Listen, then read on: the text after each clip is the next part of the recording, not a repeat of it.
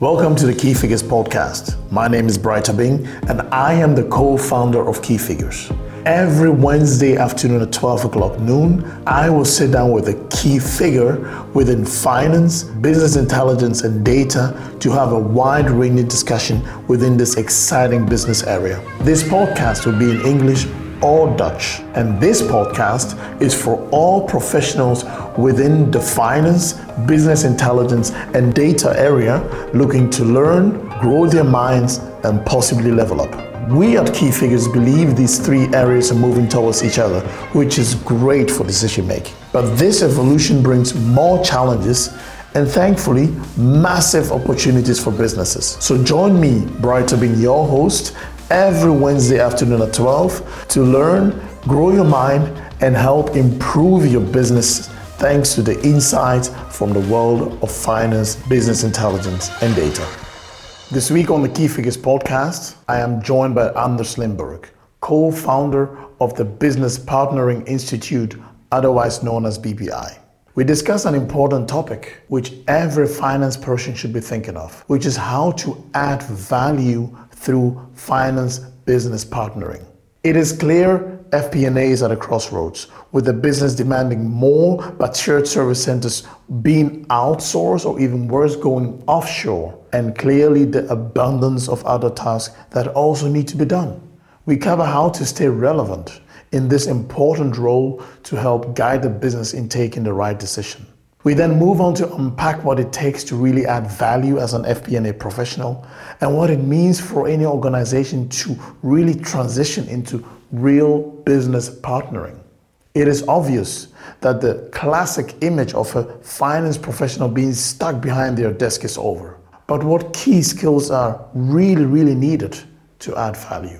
This episode is clearly for all finance professionals working closely with the business be it as a business controller, a business analyst, a finance manager, a finance director, way up to the boardroom, to the CFO. Anders is clear on how he sees the world evolving within business partnering. He has an impressive 45,000 followers on LinkedIn, tuning in every week to read his newsletter. His knowledge is underpinned by a long career at the Danish maritime powerhouse Maersk. He co authored the book Create Value as a Finance Business Partner. I really enjoyed this chat with Anders, and I hope you find it interesting. Enjoy this insightful episode with Anders Lindberg on the future of FP&A. Anders, a very good morning. Welcome to the Key Figures podcast. Uh, I am really honored uh, to have you on this podcast because I have been following your content for uh, quite some time. And as an ex business controller, I really believe that excuse me, you are really adding a lot of value uh, with with the, the, amount of content that you are pushing out and also um, the, the, the type of message that you're driving. So yeah, very thankful for your work essentially. Uh, maybe to kick off, um, tell me maybe a short story. Who who is the person behind uh, Anders? Yes, thanks a lot for having me, uh, Bright. I'm very, uh, very keen to be here and talk about my my favorite topic. Uh, probably, uh, we'll we'll get into that, but a bit about me to to begin with. So uh, I've been in uh, in corporate roles in global transport and logistics company Maersk for for 13 years. Pretty much uh, everything I've been doing within within corporate has been at Maersk uh, joined uh, straight out of uh, university. Actually, while I was in university, I joined already, and then I've been working in various roles in finance, financial controlling, business controlling, finance manager abroad in the U.S., mm-hmm. business partner.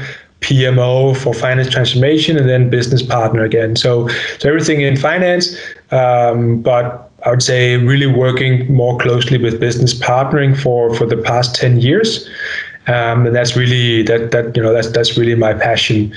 Um, and then uh, late uh, January, I left uh, Maersk to uh, embark on a new journey to uh, to become an entrepreneur with the Business Partnering Institute, a company I was part of founding back in, in April 2018. Um, and here I do uh, marketing and operations, but I also, of course, work as a business partner, doing everything from learning and development programs to short term contracts and various consulting assignments. While of course I continue to produce a lot of content. And if we just take the content piece uh, shortly, I, I, really started sharing my thoughts maybe already back in 2012. And in May 2014, I took up uh, blogging at a more serious level on LinkedIn, which is where I have my, my primary channels. So I've been blogging on LinkedIn for more than six years and have more than 400 blog uh, blog posts to my name. So that's quite a quite a rich content base, you can say. That's a lot, um, absolutely.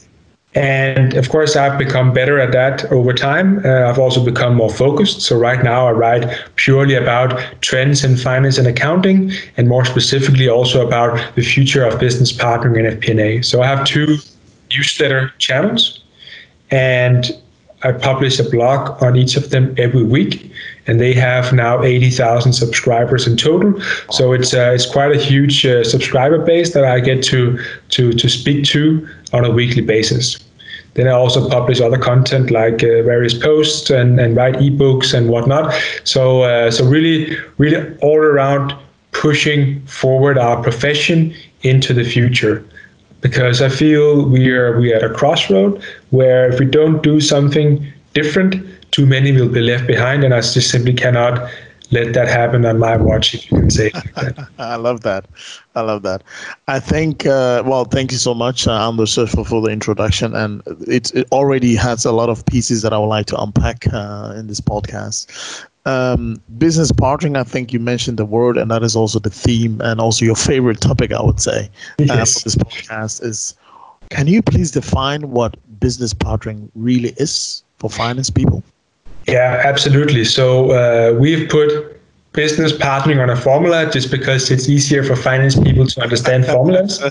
Um, and so to us, business partnering is insights times influence, which equals impact. And really, it's, it's, it's just a, it's a mindset we have when we focus on our customers or call it internal stakeholders. And we do that by challenging them with new perspectives, but having them at the heart of what we do to get buy-in and acceptance for the for the ideas that we come with. If we do that well, we will maximize shareholder value creation. And for most companies, that's what it's all about. So, uh, so to us, that's that is business partnering in its essence. Insights times influence equals impact. Okay, makes sense. How did you come across this um, formula? I'm sure it's something that that uh, didn't just come out of the, the thin air, I would say. You probably uh, um, were able to, to, to, to, to pretty much invent, quote unquote, this uh, due to your experience. Uh, how, how did you come across this? Yeah, so uh, when I was in Maersk, we uh, we had this big uh, big training program for business partnering, probably the biggest one ever. For we took more than 500 people through that, and and as part of that training program, we also developed a, a framework also to say what is business partnering. Um, and in that framework, we had six activities that finance is involved in data, reports, and analysis, insights, influence, and impact. And as I was training people, um, I, so, so I, I, did a one day training program spin off from, from the big program, and I trained 200 people during last year in this, uh, this one day program. And as I kept telling the story about what business partnering is and what it is not, it was clear that it was all about insights, influence, and impact. So, so when uh, when, when my, Michael, my, my my co-founder, and I, we had to figure out what is business partnering really. You know, these were the three components uh, that that stood out because data reports analysis they those are enabling activities of business partnering not business partnering it itself because it's something you can do behind your desk in principle without talking to anyone and just sending out a few emails. Business partnering is not like that. And of course, it's a, it's a, it's a, it's a multiplier. So if you have no insights, it doesn't matter if you have influence and the other way around. Um, and and the more you have of both, of course, you you get more impact. So that's that's really how it works in in in simplicity, and that's that's how it how it came about. Great. Very, very clear. Thanks so much, uh, Anders. Um, in your introduction, you made it. Uh, you already dropped the bomb, I would say, on on that. You don't want um, the the finance uh, profession um, that is essentially at a crossroads at this moment um, that we leave too many people behind. Could you elaborate a, a bit more about that? Yes, absolutely. So, um, as I said, we are we are at a crossroad, or we are we are standing on a burning platform, if if if if, if you may. And there are really four factors behind this. The first one, of course, is digitalization and auto, automation, right? So I don't know what, what the statistics really are, right? But but studies have found that you know the accountant role is is definitely one of one of the roles that have the highest risk or potential for automation. So many of the roles we know today will not exist in 10 years. Clear. The second one is, is, is outsourcing or offshoring, right? So if you're in a company today and you're doing accounting, and there are multiple entities in your in, in your company that are doing accounting, those will likely be centralized and outsourced to someone or offshore to somewhere else in the world. It has happened, of course, already uh, by by the tens of thousands. I don't know if there's even millions probably sitting in outsourced or offshore role. So so this is this is already a given, and if it hasn't hit you yet, it will hit you. The uh, the third thing is really you know this whole thing about big data and analytics where you can say there's more and more information available. There's more and more opportunities to create insights, and we have to use that for something. Otherwise, uh, someone else will do it. It's always it's been clear to me for a long time that you know if, if finance doesn't do business partnering or doesn't bring this information into play, the business will figure out how to do it themselves. There are plenty of roles anchored in the business that can to some extent at least, do the same as finance people can. And then the last bit is what we more call like, you know, a lot of companies are inspired by private equity steering or or pu- pushing more the value creation uh, theme to say we gotta earn more money out of our business, we gotta optimize things, we gotta grow it, um, and why shouldn't finance play into that agenda.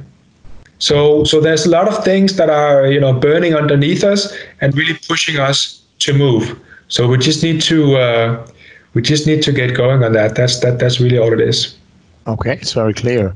Um, I think these are four quite important uh, uh, points uh, you've made, uh, and, and and from my perspective as an ex-business controller i can fully fully i fully confirm that all four of them have huge impact and are already happening. And maybe to pick the first one uh, digitization and, and, automation i think it starts from accounting how accounting the the, the, the one of the first registration uh, uh, forms of, of information that is used within finance. How do you see that being massively impacted um, uh, moving forward so, I mean, there, there's nothing stopping us from automating everything that is transactional accounting, right? As soon as you have a digital document, you can do everything from from OCR to uh, using algorithms to uh, to to post the post the invoices to having automated controls in place and really only using the controller as a last step to review invoices that you know don't fit into the current way of, of posting things or uh, above a certain amount or missing some information and so on and so exactly. forth. So it's it's a gliding movement towards 100% automation or at least potential 100% automation depending on what your what your risk appetite is. So it is possible today already and the technology is becoming cheaper and cheaper and cheaper. Um, so the more we digitalize our, uh, you can say, records, the more we can automate, and it's happening. So don't question whether it's happening, just question when it will happen to you, and then ask yourself, why not act today so I can do something about it? Yeah, fully agree. Uh, w- one of the points that um, I have also seen firsthand is that due to the massive shift of finance partnering, I would say, or business partnering from um, a highly analytical role to becoming a partner for the business to help initiate change, to help see trends, and then make it um, easier for people to act upon, is that the type of profile is also going to change um, this this old view that the, the, the, the, good finance person is the person that sits at, at, at his own place and does the number crunching and then comes up with a solution. I have a feeling that is going to die and that we are moving towards people that have different um, aspect of skills. What are these skills that you believe are needed, and what is the type of profile that is going to um, that is going to thrive actually in the new FP&A world? Yeah, so if, if we talk about the classic skills, it's really very minimal how much of that will make you successful in the future. You still need them because it's it's it's a it's a basic, right? It's a given. You just have to deliver on that, but it's not what's going to make you successful. So uh, we have a capability model where we really have four key capabilities: technical skills, business skills, partnering skills, and leadership skills. And in the technical skills, I mean, you will find something around data and analysis, financial modeling, and performance management, but also something around problem solving, where we are, you know, not just doing analysis, but actually doing business analysis. So, so already there, we are starting to change the technical skills that are needed. Okay. We talk about business skills. It's all about driving strategy, understanding the business model and having business acumen and being curious and interested about how do we actually make money in our company. The partnering skills is around communication. It's around building partnerships and influencing. And of course, also negotiating when, when, when need be. And the last bit around leadership, of course, you know, there's something around leading others. So team leaders, they also play a special role in this because leading business partners is just different from leading uh, an accountant or a controller. It just is. And it really because that kind of leadership happens out there in the front with them. You cannot just look at a system or process or checklist and see if everything is green, probably the controller or the accountant have done what they need to do. No, you have to go and watch them in action. Otherwise, you cannot give good coaching and feedback. Okay. And then there's something around leading change, uh, which of course this is a change, and everyone who can lead change uh, can definitely play a role. And then of course there's a personal leadership where you are motivating and engaging yourself to do business partnering or something different than you've been doing in the past. Okay. Let, us let, make it a bit specific, uh, Anders, if you if you don't mind. Um, I'm hoping that the person who's l- listening to this podcast is, is, is of course, an FP&A professional or uh, a team leader of an FP&A team or, or a finance director or CFO. Um, if you are a business controller, just to make it a, a bit more specific, and you are working in an organization where there is a lot of digitization going on, leading to, to more and more automation. Maybe that the, there is there is a need to, to go a bit more offshore to, to, to get more cost savings in. What would you advise this this person? What are the things that he or she can do to become a better uh, finance business partner? What are the very specific things that she can do?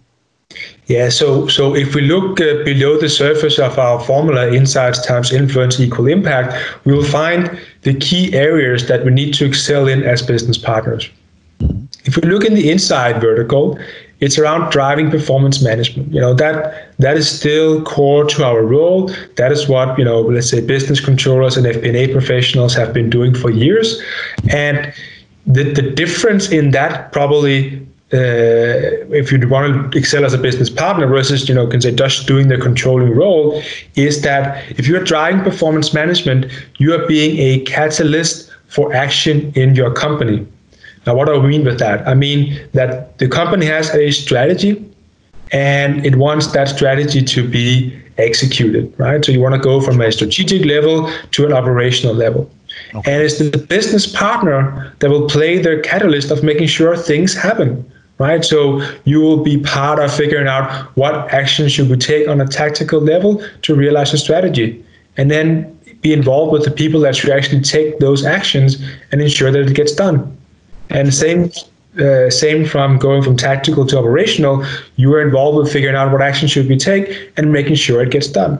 You're not the one that executes, but you make sure it gets done by you can say knowing what are the actions to take talking to the people that needs to take the action, getting feedback from them what works what doesn't work, and then taking that feedback back to the, you know, back up the chain so that management can understand is our strategy working? Is our tactical plan working? Or do we need to do something different? The business partner is the catalyst of all of that. And that is what I mean by driving performance management, not just sharing a report to say, here are the latest monthly numbers. No, it goes way beyond that. Okay. Um, then, if we look further below, there's something around optimizing the existing business, right? So, uh, how can we gain efficiencies and how can we improve processes? Uh, how can we do things smarter? How can we think about lean and so on and so forth? And lastly, there's also something around growing tomorrow's business, being more commercially oriented, understanding the customers, the potential customers, the markets, new markets, new products, and so on and so forth. How can we play a role in growing tomorrow's business? Because we need to do all these three. And I think a business controller or a classic FP&A professional have mostly just been involved in driving performance management. Sure. Um, so that's that's really the inside vertical. So I think what do you need to become better at? Optimizing the existing business and growing tomorrow's business. Become more operational, become more commercial, or maybe you want to specialize in one of them. But that's what you need to be. Of course, all of this matters nothing if you don't have influence. And as we talked about, you know, influence is around building trusted relationships. So understand, are you trusted by your stakeholders or not? How is your strength of relationship with them? How important are they? Simply map your stakeholders and figure out do I have do they trust me? Do they think I do good work? Will they act on what I bring to them? A good way of doing that is of course to develop business acumen. Go out and experience the business. If you today sit in a finance department together with other controllers, but you support the head of sales or head of marketing, ask to be transferred physically to sit next to them. Excellent. Co-location is the best way to understand what goes on in the business. So, so do that, and then of course go experience the business, whatever business that you're in. And then the last bit around the communication: be assertive in your communication. Communicate with confidence, but show empathy for the receiver. Because if you do not show empathy for the receiver, they will feel you're not having their best interest at heart. You just want to look good for yourself. Yeah. Right? So those are the things that you need to become good at. And today we are maybe good at driving performance management in a classic sense. So there's a lot of improvement potentials here. Okay. It seems that creating buy-in is, is becoming really a hard skill for for a great FP&A professional. Uh, I have a feeling that um, um, a, a, big chunk of the FP&A professionals have been, as you said, focusing that much of, of on, on performance management uh, and, and and driving and driving acceptance of what I would call the common truth, which is the, the, the, the, figures essentially. But you also need to be able to drive that that form of uh, buy-in so that both upwards to higher management or or within colleagues that it's very very clear what you stand for and, and the type of initiative that you can support. Um, do you think FP&A professional today is ready for the kind of this kind of change? Um, you know, it really requires a mindset change, where you know we call it going from being a a cost center to to really a profit center, um, okay. because we've been focused so much around you know minimizing the cost of finance or cost of FP&A. I mean, every time you do a benchmark, you see, okay, so how much does my FP&A function or finance function cost as a percentage of revenue? Oh, it's one percentage point higher than the competition, so we got to downsize. Maybe, but what about if you focus on maximizing value creation? If you have a strong business partner, she will create a lot more value than she costs in salary. So why would you want to minimize the cost of finance? It doesn't make sense. We've been talking about how to improve efficiency, doing things right, but forgetting what are the right things to do. How can I improve my effectiveness? Right. We've been talking about how to eliminate risk rather than discussing what are the right risks to take. You know, standard uh, teaching in business school, you know, risk and return somehow go hand in hand. If there's no risk, there's likely no return either. It doesn't mean we shouldn't focus on how to mitigate the risks that we know are there, but we shouldn't eliminate risk. It's been around data and reporting. rather than insights and recommendation. It's been around understanding the numbers rather than understanding the business. And I think the last point here is key. Too many in the finance have had a fixed mindset. I'm good where I'm at. It's all, you know, I'm happy. I do this work I like. I sit behind my screen. I work in Excel with lots of numbers or a nice planning system. Doesn't really matter. But I'm not out putting the numbers to use. So you have to have a growth mindset where you want to learn about the business. You're curious. You want to help your business stakeholders or customers, as we call it, meet or beat their targets. Right? It's a fundamentally different mindset to have. And so you ask me if they're ready. Well, they probably need a change of mindset first. I speak with lots of FP&A professionals that have, you know, that that have undergone that mindset change but many probably still are are trapped a bit in the old ways and we just need to we just need to move to the new ways okay that's clear so from your institute um, uh, it, it's clear to me that you also uh, help other companies to to help their FP&A professionals to uh, yeah to, to initiate this kind of change that is needed to become better at what they do how do you typically um, get started to to help them go through this change? Yeah, so so we've we've developed quite of a you can say extensive checklist to say what are the building blocks that needs to be in place for a, an organization or company to be ready for business partnering. And it's really, you know, first you got to check if the foundation is there. If the foundation is not there, then are you really going to get started? probably probably you should not. If the foundation is there, you have to make it concrete, make it tangible and actionable so people know what to do different.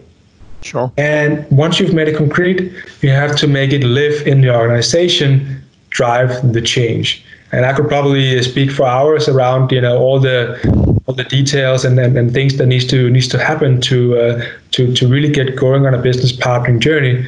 But it is really these three steps: establish the foundation, make it concrete, and make it live. That companies need to uh, need, need need to take serious because it is a big change journey.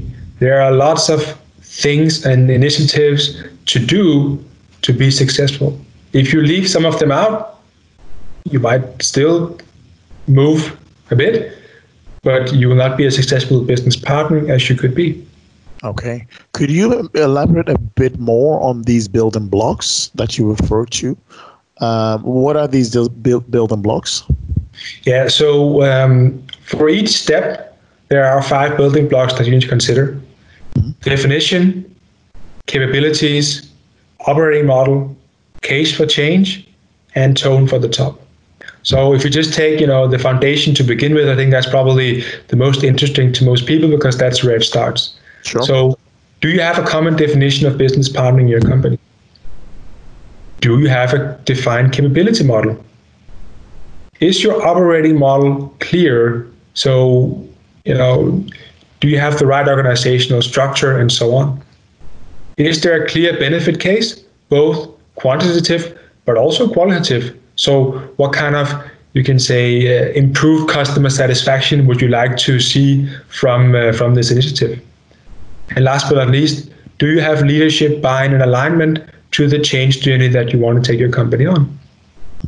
You need to answer these questions to make sure you're ready. If we take to the next step, make it concrete, well, you have to have concrete and actionable tools and processes in place. You have to make a capability assessment of the team now that you have the capability model. You have to have a, a RACI and role descriptions for your organization so they know exactly what to do, who's responsible, who's accountable, who's consulted, who's informed about decisions. Sure, sure. You have to have performance KPIs and stakeholder feedback to ensure you can measure your benefit case. And you need to communicate the aspiration to the organization so that they know now something different is coming. Let's get let's get on board the train. And if you talk about making it live, it's all about training, practicing, getting feedback, and evaluating your initiative. Capabilities, you got to embed that in your people performance management and your recruitment processes. And you can probably talk about that as well, Brian. If you want to make a change of what you do in the company, you also need to change what you recruit for. Otherwise, Absolutely. you start behind the curve every time you, uh, you, you are recruiting new people. Operating model, you got to optimize ways of working across the organization because you have you have you want to do new things, which also lead to new opportunities. Business stakeholders need to do something different as well. Case for Change share successes and celebrate wins. There's nothing more important in a big change initiative to share and celebrate early wins and continue to do that. So you build momentum so people can see, yes, something is positive is happening. I'm part of a success. Let's do even more. Okay. And last but not least, roll from the top. Leaders must be role models. They must be the change. If you have a team of business partners or business controllers and the leader is not a good business partner, whatever feedback and coaching they will give to the to, to the team members will just be devaluated somewhat, maybe a lot, because they feel it's not authentic in the sense that, well, you're telling me I need to do this, but you can't do it yourself. So what's really happening here? Sure. So so those are, you know, uh, it's a lot to take in, but it's also what we feel it, it, it needs to happen to succeed with business partnering. Makes sense. Makes sense. Thank, thanks for that. Uh, I really appreciate it. Um, obviously, it's never a walk in a park embarking on this kind of projects. What are the typical, um, I'll call it, uh, challenges that you face implementing these kind of uh, processes and, and change management uh, systems within organizations? So one of the typical challenges that, that we see also when we come in maybe a bit later is that the companies we work with they have made business partnering very complex. They have made huge manuals lots of guidelines created a sharepoint team site to share lots of information and so on and so forth because they know it's hard to succeed. And it is hard to succeed with business partnering but business partnering is simple insights times influence equal impact, right? It's not uh, 100, long, 100 page long documents of what, what is business partnering, right? It is simple to understand, yet hard to do in real life. So that's probably challenge challenge number one. Um, and then, uh, you know, challenge number two is, is often that you just don't have time, right? If you ask people why you're not doing more business partnering, they'll say, sorry, I just don't have the time. I have so many other things to do. So if you don't have a program that creates time in the schedule to do business partnering, helping your team members to do this, and digitalization, automation, and so on and so forth clearly plays a role here, then they will keep coming up with this excuse to say, I just don't have time. Okay. Another challenge could also be that they, because it's a change, there are things that they used to do technically speaking, they shouldn't do them anymore, but they actually liked to do them. So they will keep reverting to doing these things as soon as they get the excuse to do it. So, so, so you have to make sure that what they did in the past is clearly put somewhere else, whether it's then offshore or automated, doesn't really matter. But you know, as long as you get an excuse to do something different, then then then you will you will take it because it is uncomfortable to become a business partner right? We're not in sales, we're not in marketing, we're not all uh, extroverts that just you know love talking to people and you know uh, being out there, seeing the business and so on and so forth. It is uncomfortable. It might still be exciting and interesting, but it is uncomfortable. And so, if we can stay within our comfort zone, we'll choose to do so. Very clear. Uh, thank you, thank you, Anders. Um, I would like to move on a bit to, to look at the impact of data on on on business partnering because it is becoming clear that uh, more and more companies have seen the added value of having data scientists and data engineers um, physically join the analytical team in solving problems and making things more easier to understand. Um, how do you see this within your your institute? How companies are deploying big data and, and, and, and business intelligence to make the FP&A profession more value adding? No, I definitely think that's you know that's the direction we are moving in, right? Because there is so much data, and so much information available that we need specialists that are able to you know find the trends and patterns in all this data and and really be good at that because if you ask an FP&A professional they might be able to do some of it as well but not very well. So I'd rather have the FP&A focus, FP&A professionals focus on you know the building blocks of insights, influence, and, and impact rather than the very technical aspect of data science. Sure. Then I want the FP&A professional to be the translator or mediator between the data scientist or the advanced analytics and the business. Because. If you want the data scientist to become good at communication, again, you're pulling them away from what they need to be really, really good at. Exactly. And I'm a big, uh, big proponent of people becoming really good at what they do. If you're not in the top 5% of what you do, then you, you got to become better.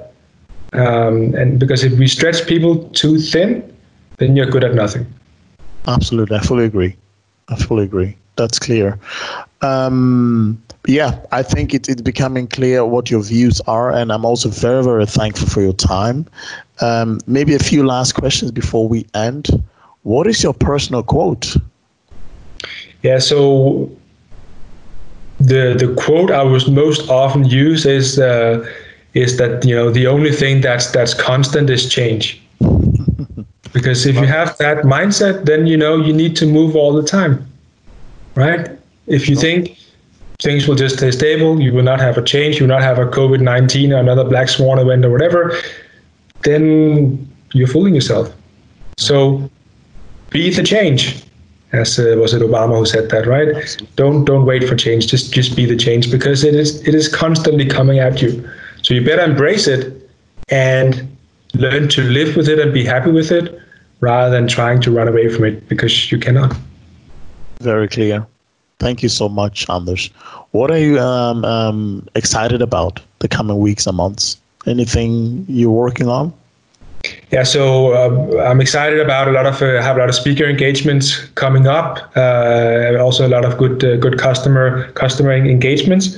Um, so really, you know, whenever I get the chance to talk about business partnering and the future of finance, that's that's what excites me because that is that is my purpose to help finance professionals across the world succeed in their careers and help finance functions drive value creation. And so, you know, as long as I can fill my day with activities that are all around that, and I pretty much do that every day, then uh, then I'm happy. So so really really every day is exciting uh, because I get to work with this uh, full time. I mean, what a what a luxury, isn't isn't that? Uh, that you can work with something you're passionate about that, that fits your purpose uh, purpose uh, perfectly. I think you are in your sweet spot. That is how I like to call it. I really love that. Uh, Anders, thank you so much for your time. Uh, please keep doing what you do. Keep keep uh, spreading the message and making this profession better than than it already is. And also for our audience, thank you so much for your time. And yeah, speak to you and see you uh, next week Wednesday, same time. Thank you so much. Thanks, brad Thank you so much for spending your precious time with the Key Figures podcast. Our goal is to deliver value for you, the professional within finance, business intelligence, and data. Please share this podcast with anyone who might get value out of it. I would love to get your feedback. So if you have topics you want to see covered on this podcast or even suggestions to improve this podcast, please send us an email to podcast at keyfigures.be. We read and respond to every email we get. That is a promise. Please also take just one minute to give this podcast a five star rating if you believe we are delivering value. This will help us reach more professionals looking for great content to grow their mind. You will also find all the show notes at www.keyfigures.be. Thanks again for listening and see you next week, Wednesday at noon. Bye bye.